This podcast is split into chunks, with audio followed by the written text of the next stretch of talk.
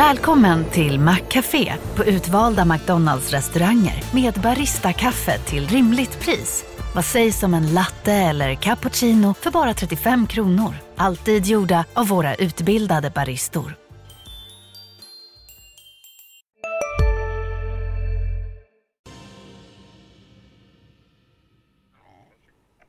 God morgon, välkomna till Börsmorgon onsdag där vi snart kommer att öppna dagens handel. Inför det så noterar vi att USA slutade på plus till slut igår med Nasdaq i topp. Asien steg också under morgonen, Tokyo steg 1% Terminen för Stockholmsbörsen pekar på en öppning mer försiktigt på uppsidan om en knapp kvart. I dagens program ska vi bland annat prata om Dustin eftersom att deras rapport för räkenskapsårets första kvartal visade en bättre organisk försäljningstillväxt än väntat men resultatet blev klart sämre. Avgående VD Thomas Ekman är med oss snart över länk. VD-rockader också. Sints mångåriga VD Tom Bjurman avgår och han har redan fått en, er, en eh, ersättare eller efterträdare. Även Cetex VD blev ju känt igår som får lämna sin post. Och så försöker vi liksom de flesta dagar att försöka förutspå hur det nya börsåret kan te sig. Med mig för att göra det i studion Robert Åstrand från Swedbank. Välkommen hit. Tackar. Och sen har vi också Ulf Pettersson, vår trogna analytiker med oss över länk. Eh, och jag börjar, Ulf, jag kan börja hos dig. Upp igen igår på Wall Street, tredje dagen i rad. Fjolårets bottenaktier som vinnare, Nasdaq med största uppgången. Vad händer? Ja, och ändå så är det så att, eh, att eh, eh, USA inte har gått särskilt bra i år. S&P är faktiskt bara upp 2% och Stockholm är upp 6-7% Och går man tillbaka några månader så har Stockholm gått 10% bättre än USA. Så så att det gick upp i, i USA är så att säga kanske inte så märkligt eftersom det har laggat efter i övriga världen lite grann. Eh. Men det är ju det, jag tror att det, det som man förklarade uppgången med igår var väl att Powell var i Stockholm och så att säga inte, inte tog i med någon storslägga när han pratade eh, på Ingels seminarium utan att, eh, utan att eh, han, han, han höll sig så att säga lugn här. Men det viktiga blir ju morgondagens inflationssiffra. Det är ju det som kommer, kommer så att säga avgöra börsen för veckan här. Mm, nu springer du i förväg här Ulf, men Robert vad säger du? Tror du på det här rallyt som har varit? Ja, men jag tror det är selektivt rally. Eh, det är tydligt som Ulf är inne på att vi har ju olika delar av marknaden som drar betydligt starkare. Då, Europa, EM till exempel. Tillväxtmarknaden ser ju betydligt starkare ut här inledningsvis på året. Då. Eh, USA har lite fler minusdagar. Eh, H&M, jag kollade igår, var väl näst bästa aktien i OMXS30 i år. Så att, eh, det är tydligt att man plockar på sig, i alla fall i Europa då, en tydlig trend att man plockar på sig fjolårets förlorare. Mm, vi ska återkomma till det lite senare i programmet. Men på nyhetsfronten alltså noterar vi de här vd-bytena också. Fjolårets förlorare, Sint, ersätter Tom Bjurman som varit med bolaget i fem år med Jill Palmer som kommer från Cision. Enligt pressmeddelandet så lämnar Bjurman sin post självmant. Han blir ersatt från 1 april i år. Vi har sökt Sint. De kommer att medverka senare under förmiddagen men de hade lite svårt att hinna just till börsmålet morgons sändningstid. Avgående VD Tom Bjurman är den som vi kommer att prata med då. Eh, vad tänker du om, om det här Robert? Är det odramatiskt eller är det dramatiskt? En VD som ändå varit med i fem år, det är väl ganska snitt för börsen? Ja, det är möjligtvis det. Det är kanske mer dramatiskt där vi har en, en VD som är i ett med bolaget, som förknippas med bolaget på ett helt annat sätt och en profil-VD. Då kanske det blir mer dramatik, då kan man bli mer orolig. Okej, okay, vem, kommer då leda det här skeppet vidare? Det är svårt att säga här och vi följer inte Sint men, men eh, generellt tror jag att det är större dramatik om det är en profil-VD. Så att säga. Mm, och det är ju, Sint var ju väldigt pressat i fjol, även sen noteringen mm. fortfarande ganska ungt börsbolag mm. ska, ska nämnas, det är knappt två år gammalt.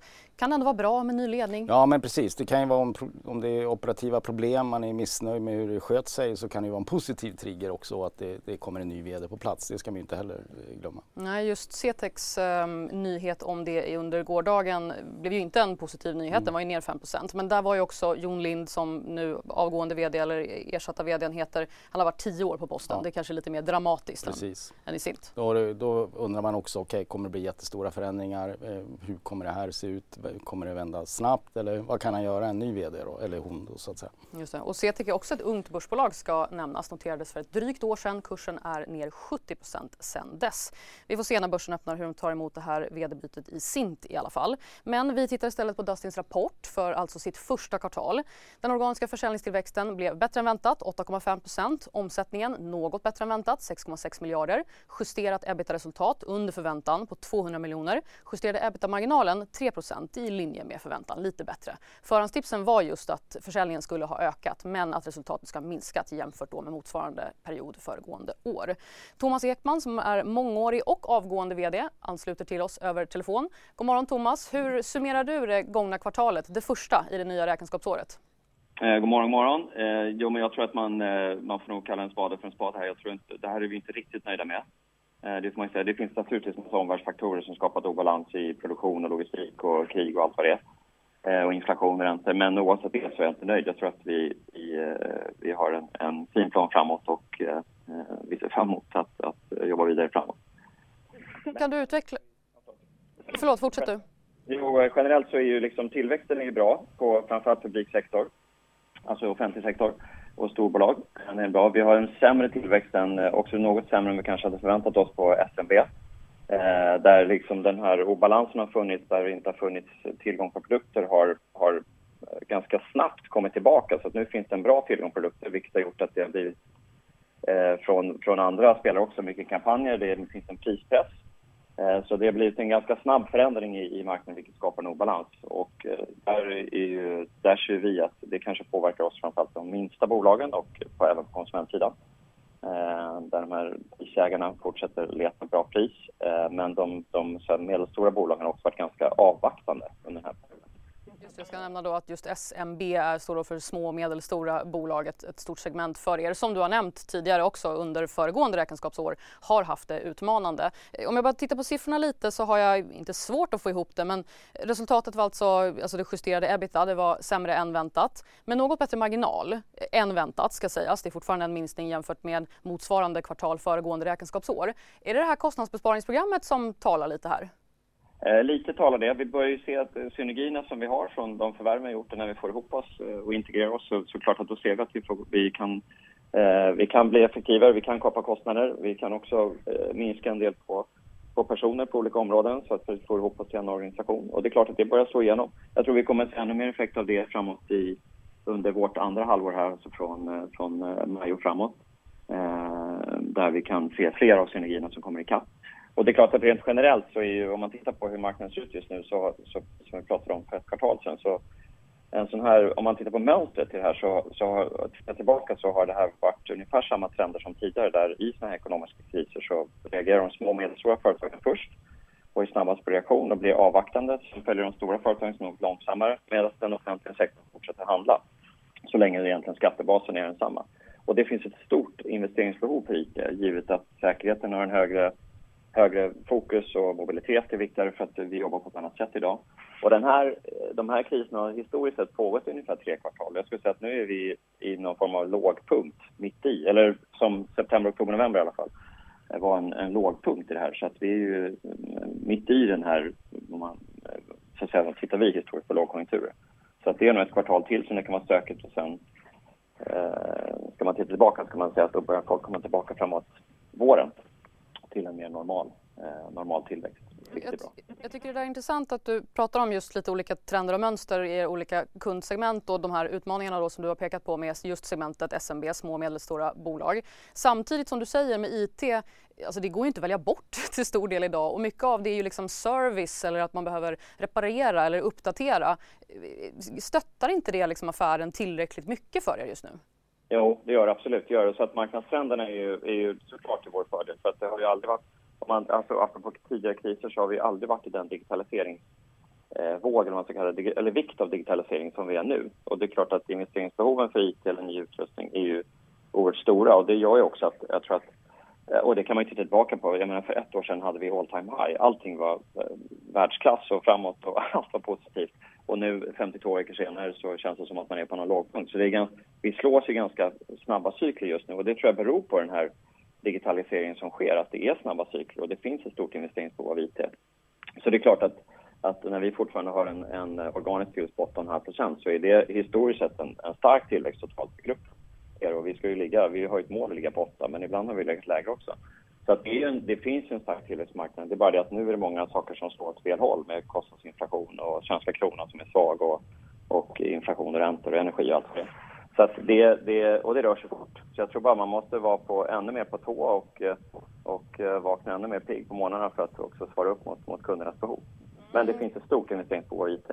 Ja, det där med att det slår fort har vi också noterat här under året. Eh, tiden springer iväg så jag vill säga tack Thomas Ekman, alltså avgående VD för Dustin för att du var med oss i Börsmorgon.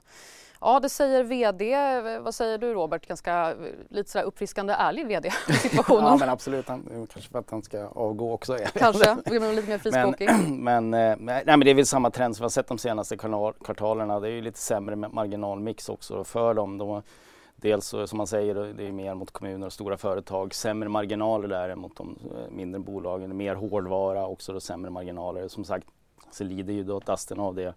Vi ser många eh, svenska inhemska då, eh, marknadsaktörer eh, då att svag krona då eh, är jobbigt. Sen är det ju då finns ju, verkar det finnas volymer att få tag på, omsättningen håller i. Eh, men som sagt, eh, då finns ju anledning att man kan kriga om de volymerna då, och så sänka priserna då, så det blir en priskonkurrens. Mm. Man kan jämföra det till exempel med Elux då, där det kanske inte finns volymer att kriga, där man då inte sänker priserna. Och det är ett bullish case för Elux på det sättet. Jag tänkte säga att du gillar Electrolux. ja. ja, men det är tydligt då, finns det volymer att kriga om och är det sämre tider, ja då kommer man kriga med pris. Just det. Ulf, eh, vad, vad säger du om intervjun här som lyssnade in på och vad, vad tar du med dig därifrån? Jag tar med mig att Thomas är besviken och det har han anledning att vara också. Vinsten är ner en eh, Eh, en tredjedel ungefär och tittar man längre ner i resultaträkningen så är det mer än en halverad vinst. Och det är klart omsättningen är bra men den är väl uppdrivet av inflation att man har lyckats höja priserna men så har man då den här eh, kostnadspressen som gör att marginalen både bruttomarginal och rörelsemarginal går ner. Den är ju nere på 3 med rörelsemarginalen De har ändå ett mål på 5-6 procent i justerad rörelsemarginal. Så det, det, det, och det är inte första kvartalet vi ser det och det har vi ju sett i aktiekursen också att den har ju halverats senaste året här. Ehm, jag tror inte, ehm, den kommer tappa en hel del på det här för jag tycker det är en svag rapport ehm, fortfarande P 14-15 plus att kassaflödet var rejält svagt också så nu börjar ju faktiskt skuldsättningen bli lite av ett problem. Så jag tror att det kan tillhöra dagens förlorare faktiskt, Dustin. Det säger lite emot en tanke jag hade av de två analytiker, alltså inte många, som täcker bolaget. De har en behållrekommendation, men snittkursen är 30% över dagens nivå. Jag tänkte då, okej, okay, lite väl nedpressad kanske. Du verkar inte hålla med? Nej, tittar man på, på skuldsättningen nu så har de en skuld på 4,7 gånger ebitda den låg på 3,0 tidigare. Det börjar faktiskt bli en nivå där man eh, så att säga ganska ansträngt. Nu har de då ställt in utdelningen för, för året här och det, det förstår man ju. Att, nej, det är klart att den, den blir ju men tittar man 3,30 på aktier på rullande 12 och värderas till drygt 40 så det är P, P13, 14. Det är inte det här liksom P6, 7, 8 som man kan liksom dipköpa på. Så jag tror att den kommer tappa lite trots den svaga utvecklingen i, i senaste året. Mm, jag vill nämna några korta nyheter också innan öppning. Igår kväll så fick vi veta att fastighetsbolaget Genova tar in 200 miljoner kronor till 3,5 procents rabatt jämfört med gårdagens stängningskurs. Tagare är institutioner som Swedbank Robur, Länsförsäkringar, Ente Fonder. Och så BioArctic då, som meddelar att en ansökan om marknadsgodkännande av sin Alzheimers läkemedelskandidat Lecanemab har lämnats in till den Europeiska läkemedelsmyndigheten. I samband med det och när då myndigheten formellt accepterar ansökan så har BioArctic rätt till en milstolpsersättning om 5 miljoner euro euro. Uh, eh, Ulf, vissa fastighetsbolag ser ju uppenbarligen möjligheter för att Genova vill ju ta in pengar för man ska agera på värdeskapande möjligheter som det just heter, vilket känns lite kontraintuitivt jämfört med hur vi pratade om fastighetssektorn förra året.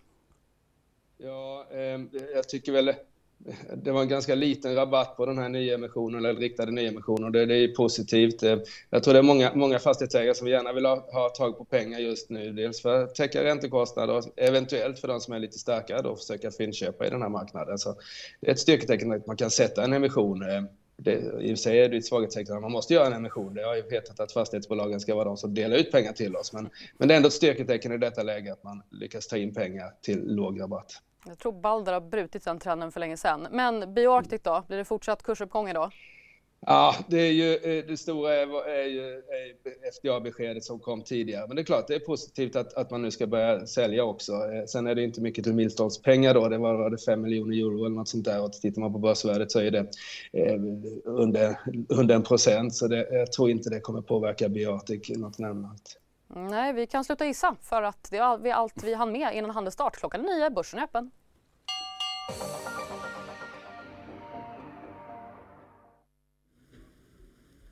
Stockholmsbörsen öppnar svagt upp idag. På storbolagsindex så hittar vi Sinch i toppen, stiger nära 1,5% följt av Boliden SBB.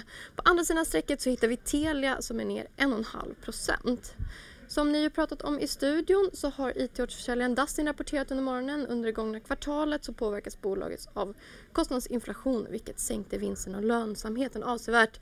Aktien rasar idag 11,5% nu så här inledningsvis. Och igår eftermiddag så blev det känt att marknadsundersökningsbolaget SINS VD Tom Bjulman lämnar sin post efter drygt fem år. Han ersätts av Giles Palmer som tillträder i april. Och aktien är kraftigt ner också där 16,5 procent.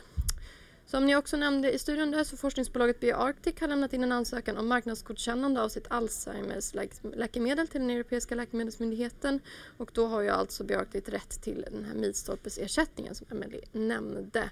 Aktien lyfter idag 2,5 procent. Investeraren Harry Klungsbrun som bland annat sitter i QTs styrelse har under december köpt 1,8 miljoner aktier i budaktuella Readly. Posten motsvarar 4,9 procent av kapitalet. Readlys aktie är upp idag 4 procent. Fastighetsbolaget Genova tar in 200 miljoner kronor i nyemission. Kursen sattes till 55 kronor och aktien är ner 3,5 procent. handlas för 55 kronor. Swedbank Robur har fortsatt att öka sitt ägande i molnkommunikationsbolaget Sinch under december och har köpt ytterligare 6,6 miljoner aktier och vi ser ju att, aktien, att Sinch aktie lyfter idag 1,5% som nämnt här inledningsvis. Finansmannen och tidigare storägaren Richard Livingstone fortsätter att skala ner sitt innehåll i Evolution. Under december så har han sålt närmare 1,2 miljoner aktier. Evolution handlas svagt upp idag. Handelsbankens vinstandelsstiftelse Octo Oktogonen har under december sålt 21,8 miljoner aktier i Handelsbanken och därmed minskat sitt ägande till 8,2 procent av kapitalet, 8,3 procent av rösterna. Handelsbankens aktie är svagt upp idag. Igår så blev det också känt att CTEX VD lämnar det pressade bolaget med omedelbar verkan. Aktien full igår. Idag är den upp 1,5 procent. Men en öppning då så försiktigt upp får vi ändå säga på Stockholmsbörsen idag. Tillbaka till er. Tack så mycket för det Sofia. Eh, jag måste gå till dig Ulf med tanke på eh, både Dustin eh, ner 10% det var i och för sig någonting du pratade om, men sen att Sint också är ner 14% när lite som jag och Robert pratade om inledningsvis, det är inte lika mycket kanske en, en VD som är så starkt förknippad med det bolaget och ändå 16% nu minus.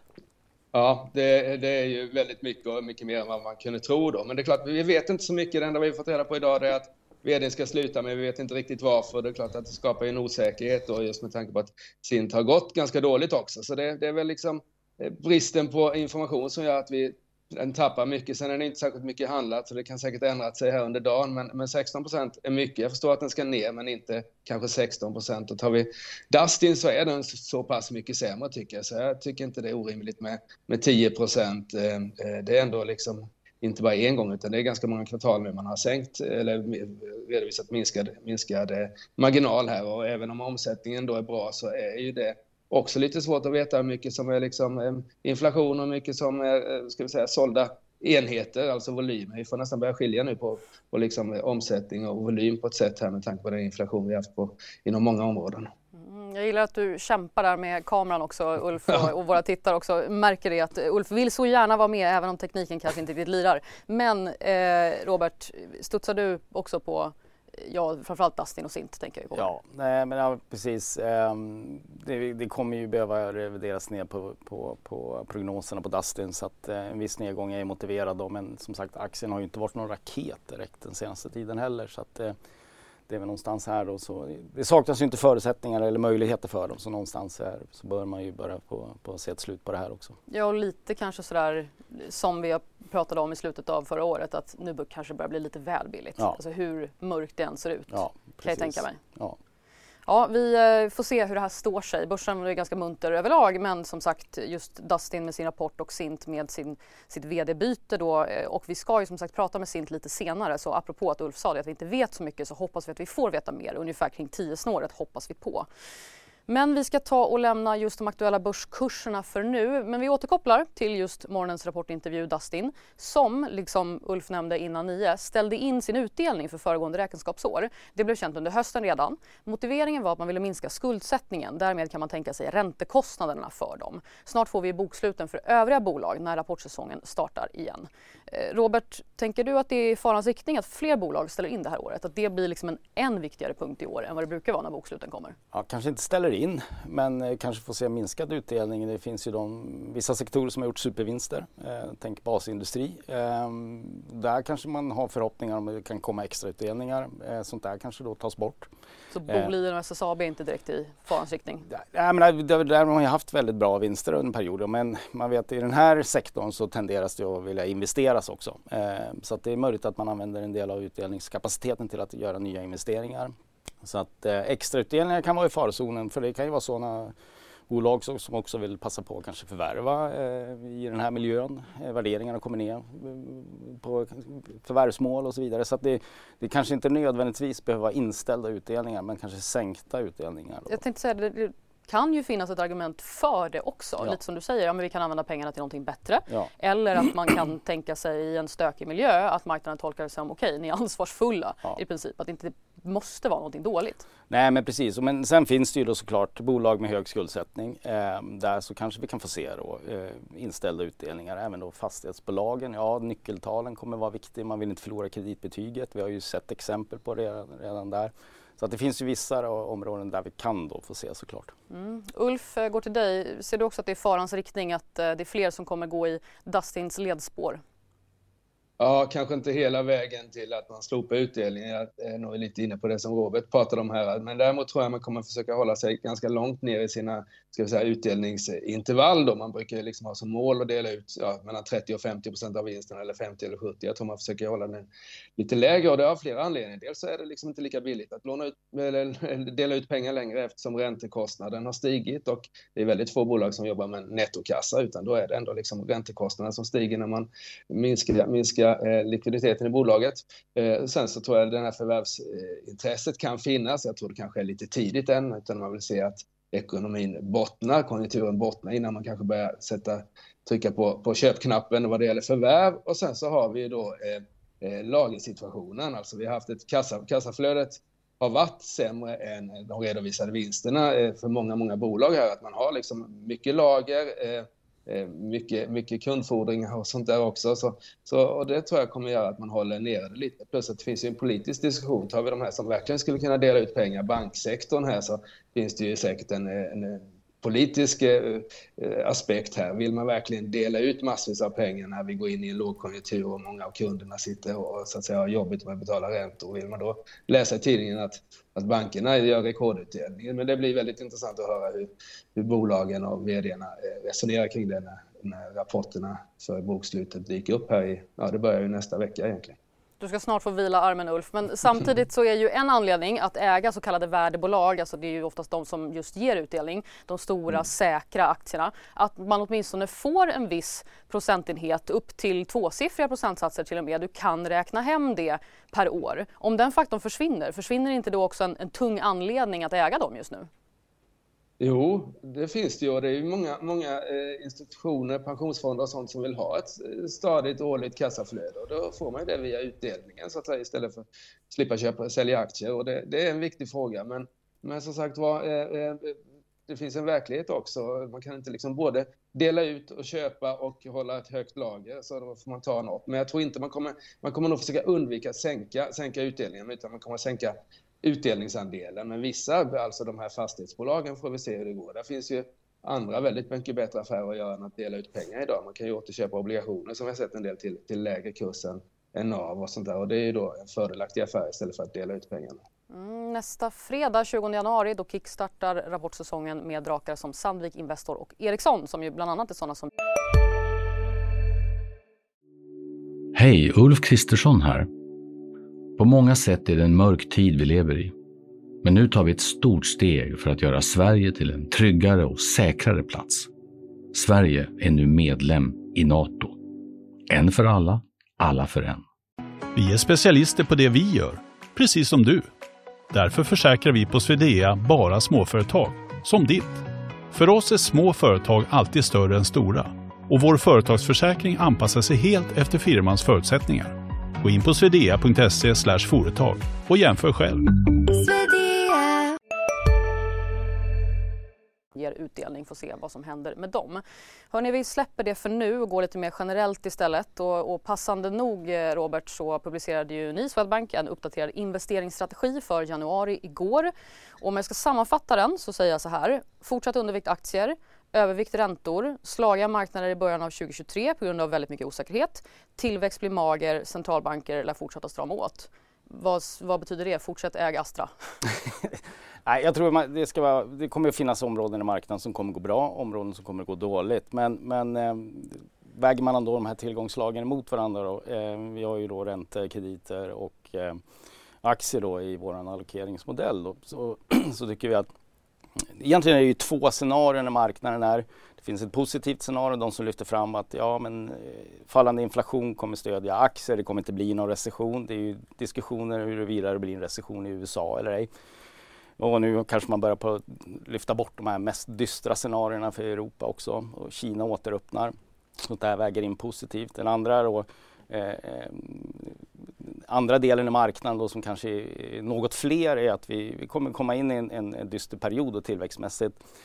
Recession då ehm, eh, är på tapeten. Eh, att det kommer komma då, eh, det liksom kommer tynga då bolagsestimaten ännu mer. Eh, och, och vi har i bild här just en jag ja. förstår ingenting, det ser ut som ett EKG, men ja. berätta för det här ska alltså då handla lite om, ja. blir det en mjuklandning eller blir det en hård Ja men precis, det är, det är två olika, det är ett positivt och ett negativt scenario men gemensamt för de här scenarierna är ju att inflationen ska falla undan snabbt. Eh, centralbankerna egentligen är i slutet på sin räntehöjningscykel då, då. Men vi finner då eh, i det här skedet att, att eh, räntorna kanske har gjort eh, sett det mesta på uppsidan. Det finns då en miljö där det inte gynnas i båda scenarierna som vi ser det.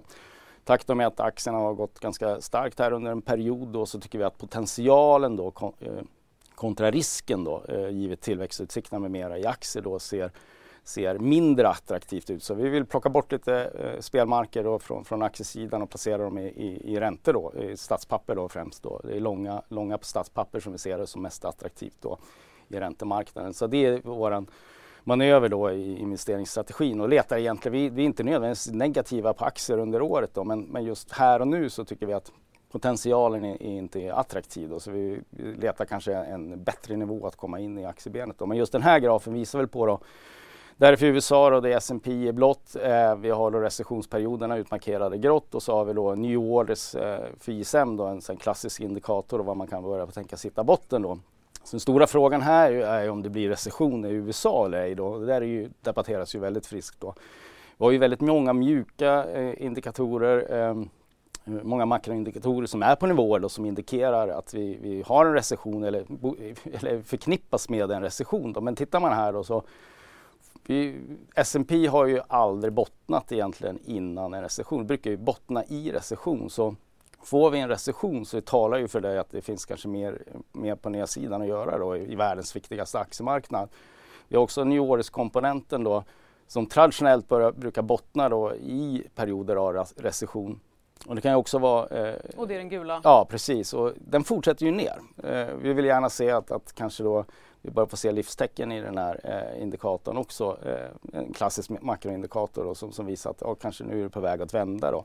Så att vi, vi har inte riktigt fått bottens tendenser och det är såklart att det blir väldigt eh, stökigt om vi får en recession. Och historiken och väldigt lång historik talar för att då har vi inte sett botten. Nej, och det låter ju oroväckande. Men sen mm. har vi också det som vi har pratat lite om att estimaten inte har kommit ner ännu. Jag tror kanske att det gjort det mer i USA än i Sverige. Men du hade en till graf med dig också som just var ja. också för S&P 500. Som vi har ju då liksom haft en, en exceptionell då vinstupprevideringstrend och nu är det liksom i en mean reversion eh, där vi egentligen sett en lång period där man justerat ner vinsterna för 2023.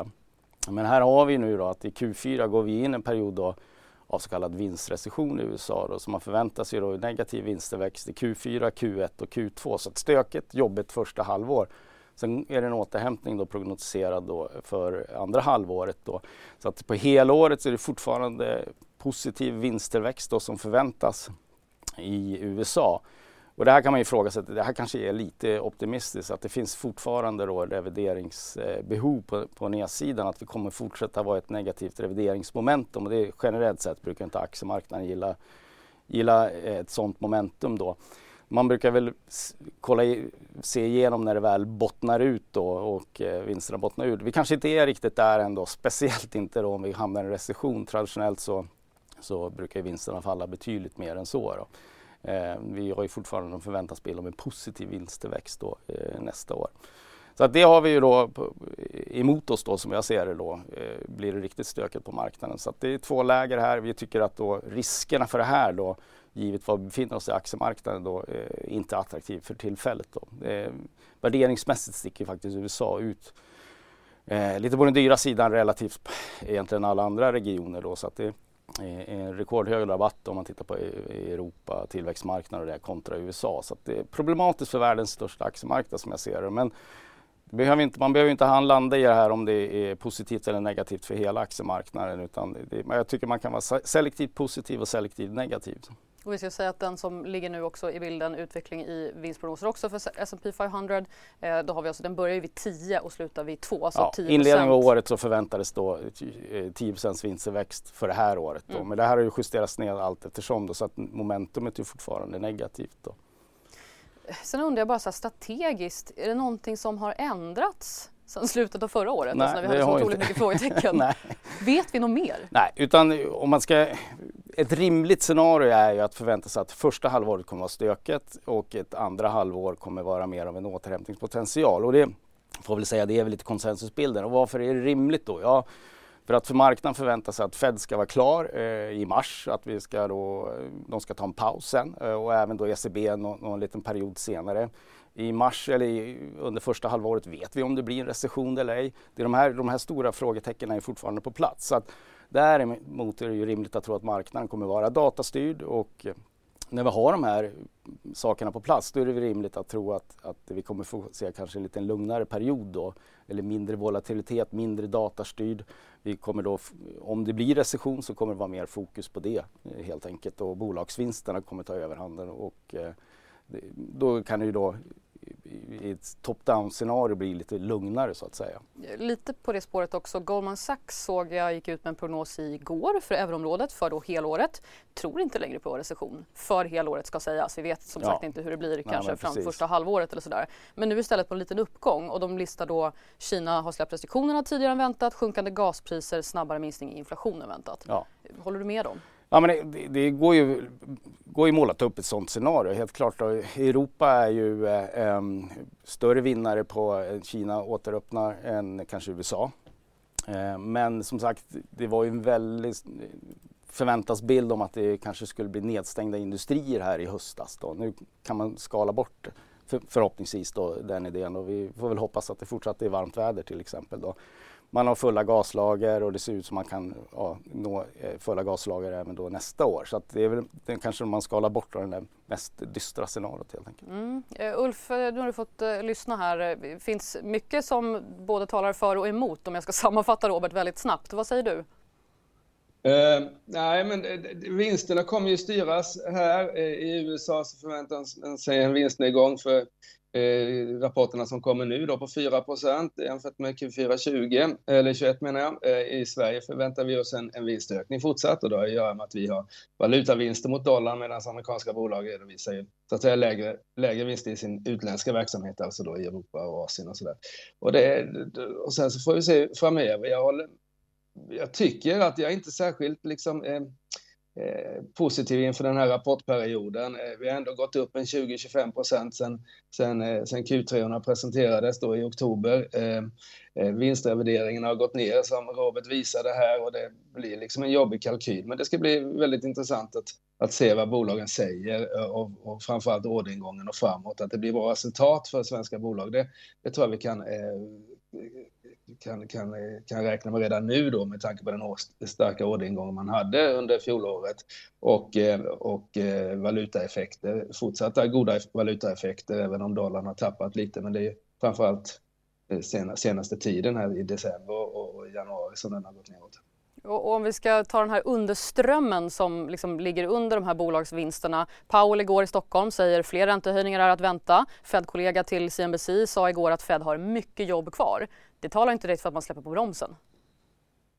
Nej, det gör det inte och jag tror att eh, alla de här som var eh, centralbankscheferna som var i Stockholm igår och pratade, de, alla är nog ense om att, att, att det man höll på med för ett antal år sedan, där man, det är bara Japan kvar egentligen, så försökte jaga, jaga och försöka höja inflationen, att, att den här räntepolitiken vi hade då med att försöka eh, med, eh, ska vi säga, konstlad nivå få upp en inflation, eh, den visade sig inte vara så bra. Och nu tror jag man istället är i ett läge att även om inflationen kommer falla ganska dramatiskt under 2023 så tror jag inte att, att, att centralbankerna kommer hänga med utan de vill nog gärna ha en positiv realränta ett tag för att, så att säga, återuppväcka förtroendet för penningpolitiken och då, då så är jag inte Ja, eh, jag är inte riktigt säker på att vi kommer få se den här eh, räntenedgången även om inflationen faller som man kanske räknar med lite på, på börsen just nu.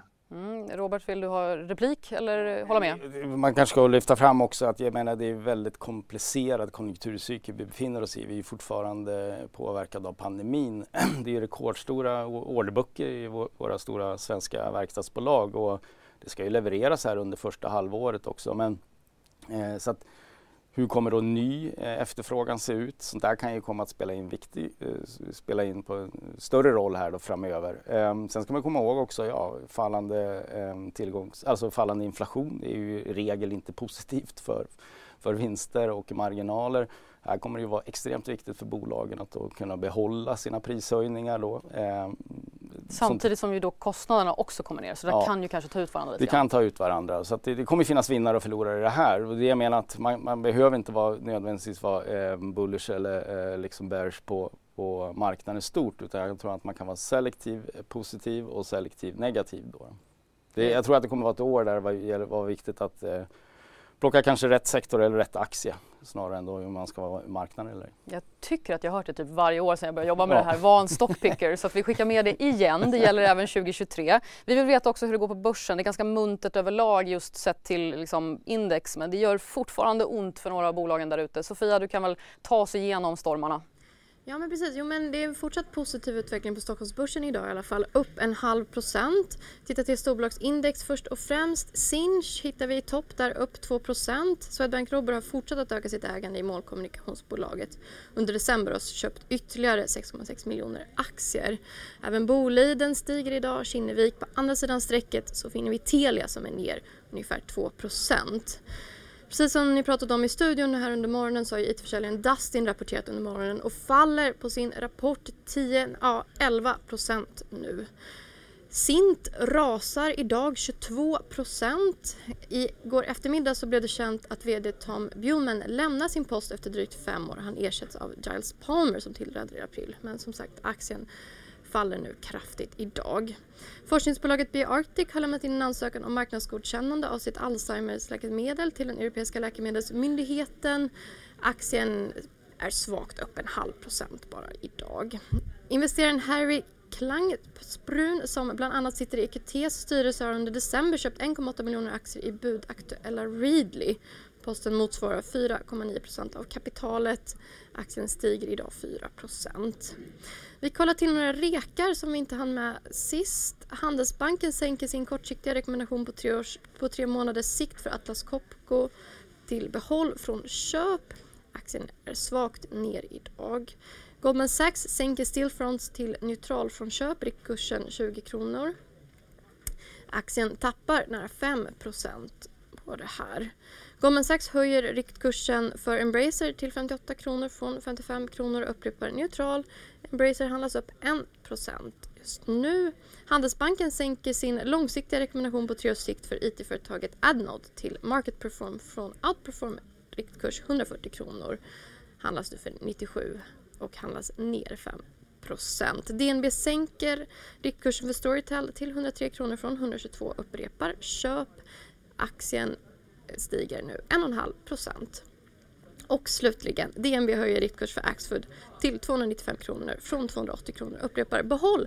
Aktien tappar 3% Men som sagt, en fortsatt positiv utveckling på Stockholmsbörsen även om vi har några stora fall idag för det Sofia. Eh, nu går det snabbt i svängarna här men Ulf jag känner att jag vill gå till dig igen. Det kanske fortfarande inte är så mycket handel, det har jag inte hunnit kolla men Sint fortsätter ner. Nu är den ner 21 procent.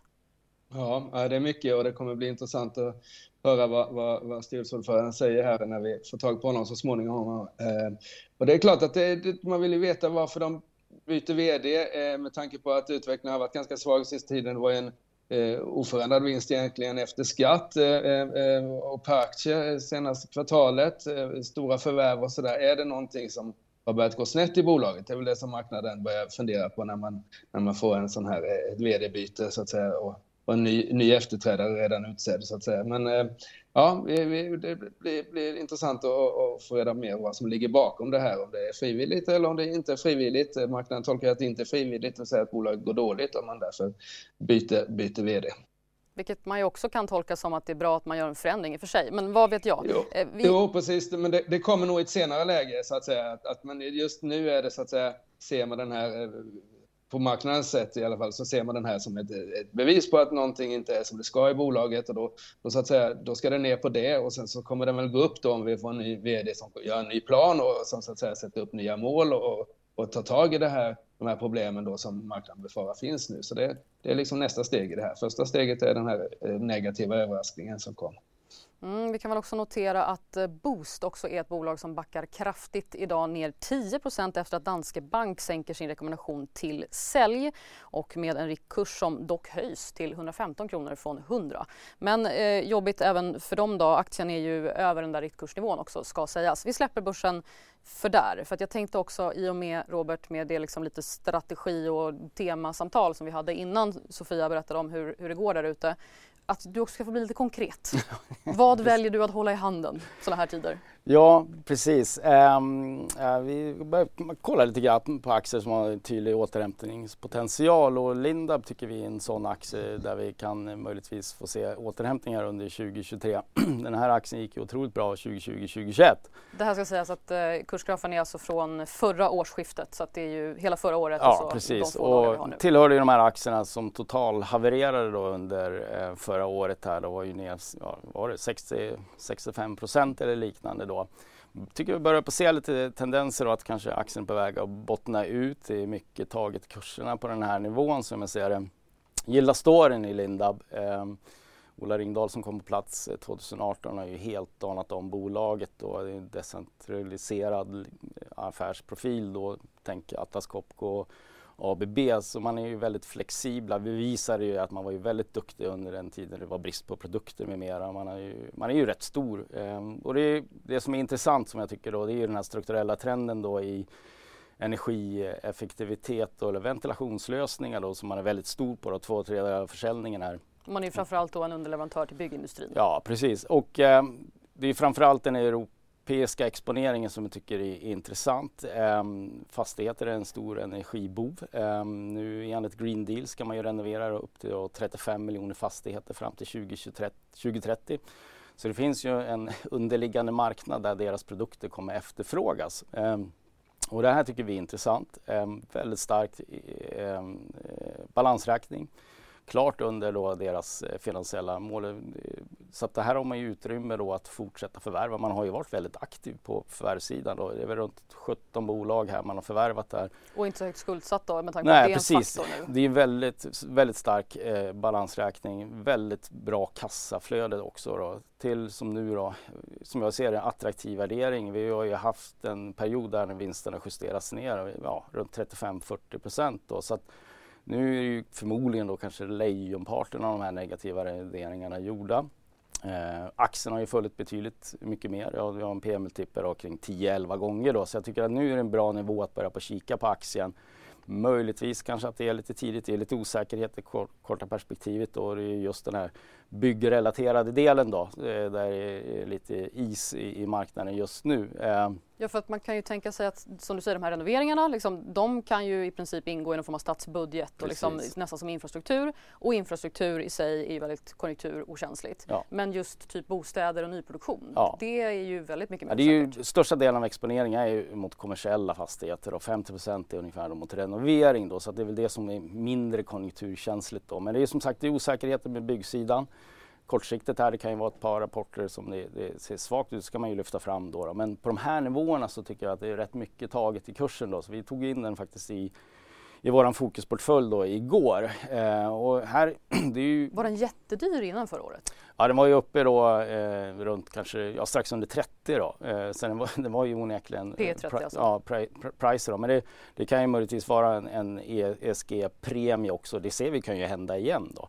Eh, så att det finns ju möjligheter för en, en multipel expansion om de väl då eh, vi ser tydliga te tecken på återhämtning. Det ska nämnas att de har börjat året urstarkt. Mm. Plus 12 procent mm. sedan årsskiftet, det är inte jättelänge. Nej. Nästan 20 procent senaste kvartalet. Var det en stark rapport?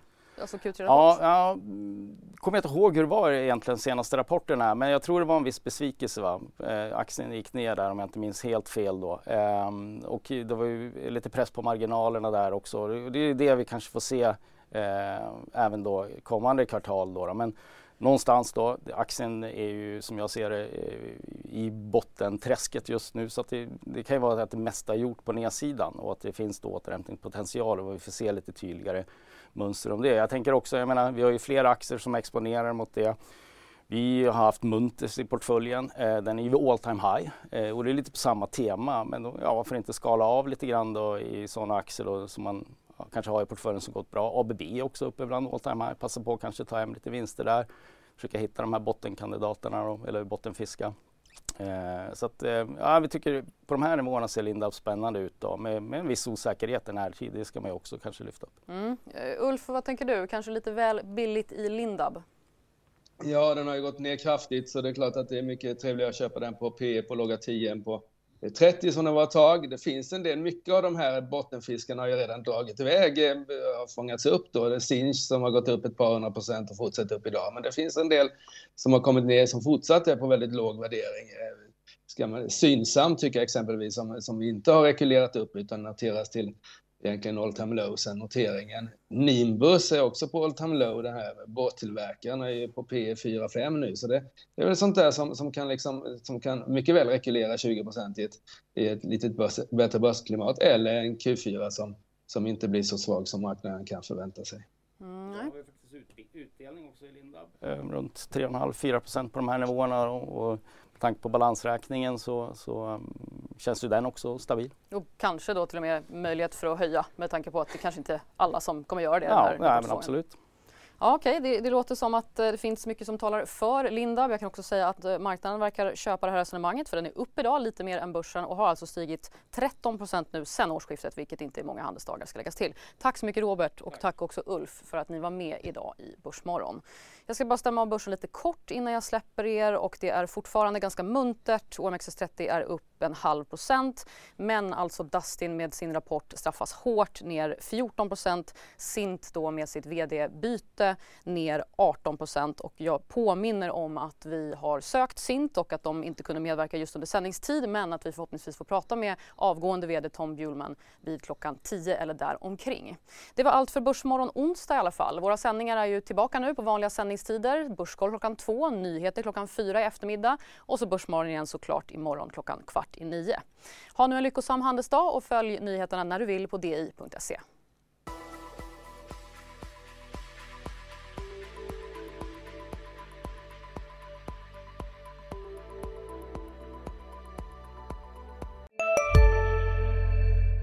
Välkommen till Maccafé på utvalda McDonalds restauranger med Baristakaffe till rimligt pris. Vad sägs om en latte eller cappuccino för bara 35 kronor? Alltid gjorda av våra utbildade baristor. Ska några små tassar flytta in hos dig? Hos Trygg Hansa får din valp eller kattunge 25% rabatt på försäkringen första året. Läs mer och teckna djurförsäkringen på trygghansa.se. Trygg Hansa, trygghet för livet.